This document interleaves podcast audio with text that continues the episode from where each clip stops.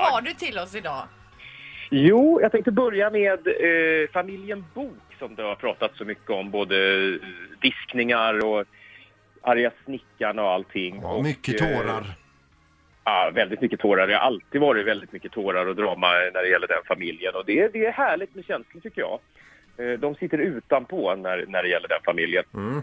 Eh, och nu har det hänt en grej som det i och för sig har stått lite om i tidningarna, men det var vi som avslöjade det. Eh, och det är att Felicia Bok, det är lite pseudo det här då, då men Felicia Bok som då är Annas dotter från hennes första relation med turkiske Mehmet, eh, en ungdomsförälskelse.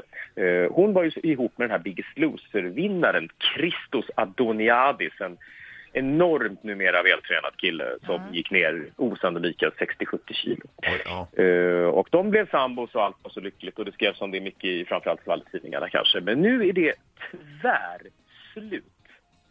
Eh, och jag gjorde en lång intervju med henne eh, förra veckan och, och, och där hon liksom verkligen, ja, man förstår att någonting har hänt. Eh, hon säger att det, han, har inte, han är inte samma person längre och, och eh, dessutom har han redan hittat en ny tjej som han kom med på en filmpremiär. Så han har ju väldigt snabbt gått vidare. Oj då. Eh, och sen så och, eh, en, ett annat uppbrott, eller nu, nu när jag ser på mina papper här så är det faktiskt uppbrottstema hela vägen här. Eh, en, utav, en utav de absolut eh, mest sympatiska bönderna i det här Bonde söker fru som har förekommit under åren, det är ju den här Tilde Höök. Kommer ni ihåg henne? Nej. Eh, Bonde-Tilde var med och, och var ju en av de få som, som kände så här störande normal. Alltså hon var, utav alla de här bönderna, som får- alltså alla är ju väldigt charmiga och gulliga men de känns ju lite sådär, ah, ja jag vet inte fan, men det är lite sådär. Ja. Okej Hans, vi Ja, förstår är vad du bundna. Men hon, är, menar. hon, är alla, hon har i alla fall varit sådär superkoll på läget, blev ihop med en jättegullig kille som heter Stefan. Eh, och de fick två barn och de, eh, alltså allt var verkligen tomtebolycka och de ser ut som eh, liksom Emil i Lönneberga och, och, och hon Fideli. Ja, men de, de ser ju ut som ett par forever. Exakt. Men det är nu tvärslut och det skrev hon på sin blogg här för några dagar sedan. Eh, väldigt utförligt att det har varit ett år av besvikelser och förtvivlan och sorg. Men nu är det slut. Eh, vi hörde av oss till henne. Hon vill absolut inte säga någonting. Men om jag kanske får lite pengar, sa hon, så kanske jag kan berätta. Va? Ja. Men, Eh, ja, ja, eller mot en ersättning tror jag hon uttryckte det ja. som. Men vad har ni för Eh. policy där när det gäller sånt? Betalar ni för Ja, vi- information? Ja, vi har ingen, vi är skrupelfria på det sättet. Är det en bra nyhet och de säger ja, jag kan tänka mig att tala ut om jag får x antal tusen. Ja. Beroende på naturligtvis vem det är. Hade, det varit, hade det varit Dominika när det, det var som hetast så hade det varit värt mycket pengar.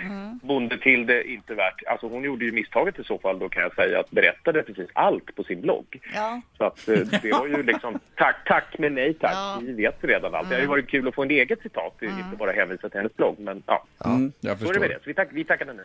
Ja. Ja, och, och nummer ett denna, denna veckan. Pierre Leander, det är också lite pseudo här. Det är alltså han som var tillsammans med Lena Philipsson, den här kärringkonken-grejen. Jajamän. Ja. Ja, han har ju då blivit lite halvkänd och sen så blev han ihop med Anna Hedenstam. Hon på först TV4 och nu är hon på Expressen TV och hon var ju då ihop med Måns Herngren för en himla massa år sedan, kanske 30 år sedan. Eh, De blev ihop i höstas och, och de var ju så kära så att det liknade nästan ingenting, alltså nästan tonårskära. Ja eh, när de var ute på eh, kändisfester. Och, Ja, det var han- och det höll i fyra månader. Nu är det tvärslut där också. Jaha.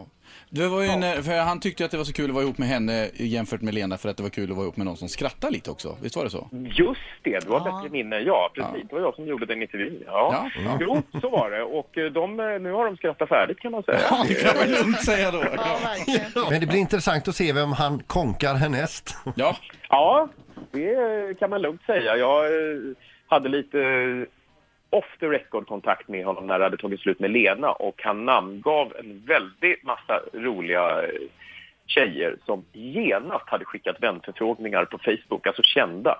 Va? spännande. Det här tar vi off air sen Hans. Ett poddtips från Podplay. I fallen jag aldrig glömmer djupdyker Hasse Aro i arbetet bakom några av Sveriges mest uppseendeväckande brottsutredningar. Går vi in med hemlig telefonavlyssning och, och då upplever vi att vi får en total förändring av hans beteende. Vad är det som händer nu? Vem är det som läcker? Och så säger han att jag är kriminell, jag har varit kriminell i hela mitt liv men att mörda ett barn, där går min gräns. Nya säsongen av Fallen jag aldrig glömmer på Podplay.